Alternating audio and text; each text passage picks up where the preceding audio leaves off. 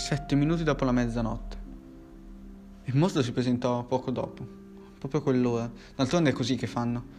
Quando era sveglio aveva appena avuto quell'incubo, quell'incubo con il buio, il vento, le urla, quell'incubo terrificante che da molto tempo lo ossessionava. Diede uno sguardo all'orologio. 12.07, 7 minuti dopo la mezzanotte. Tardi, considerando che il giorno dopo sarebbe dovuto andare a scuola.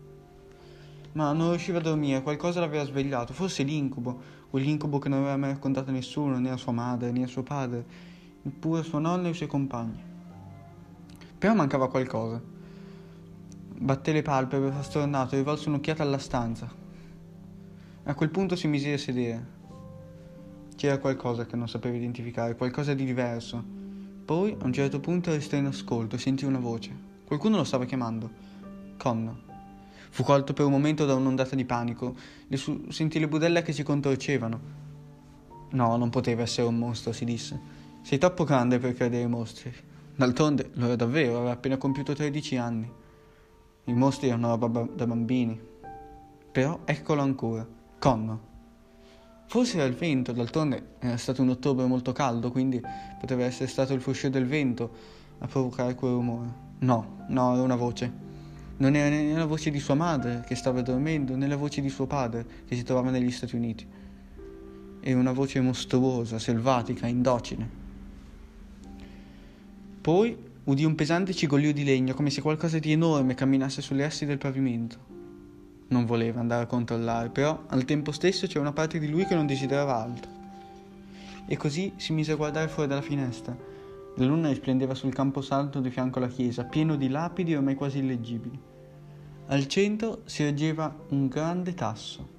Gli aveva detto sua madre che era un tasso e gli aveva anche avvisato di non mangiare le bacche perché erano velenose ma qualcosa non andava. Una nuvola si spostò davanti alla luna, ammantando di oscurità l'intero passaggio. Una raffica di vento sfrecciò giù dalla collina dentro la sua stanza, gonfiando le tende. Di nuovo il crocchiare e scricchiolare del legno.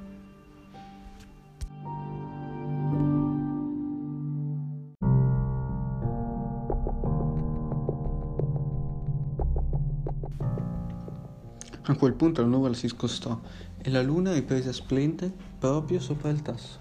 Ed eccolo lì, il mostro. Appena Connor guardò il tasso, i rami più alti dell'albero si unirono e formarono un volto terrificante. Altri rami si intrecciarono formando le braccia e le gambe, mentre il resto dell'albero formò il busto e il torace. Era molto più alto della finestra di casa e non smetteva di fissare Connor, che udeva il respiro forte e ventoso proveniente dalla sua bocca. Sono venuto a prenderti, Connor Malley, disse il mostro. Aveva una voce che tuonava potente, gutturale, così forte che Connor la sentì vibrare nel petto.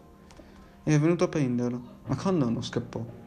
Non aveva paura, perché quello non era il mostro. Sì, era un mostro, ma non era il mostro che si aspettava. Era deluso, in un certo modo. A quel punto, deluso, incominciò a chiedergli: Allora vieni a prendermi. Chi hai detto? chiese il mostro indispettito da quella risposta. Il mostro ruggì ancora più forte e spaccò con un braccio la finestra, fracassando il vetro, il legno i mattoni. Con la mano prese in alto il ragazzo, lo strappò fuori dalla sua stanza nella notte, sopra la luna. Connor vide a quel punto le zanne irregolari di legno duro e nodoso e sentì l'alito caldo che gli soffiava addosso. Poi il mostro si fermò di nuovo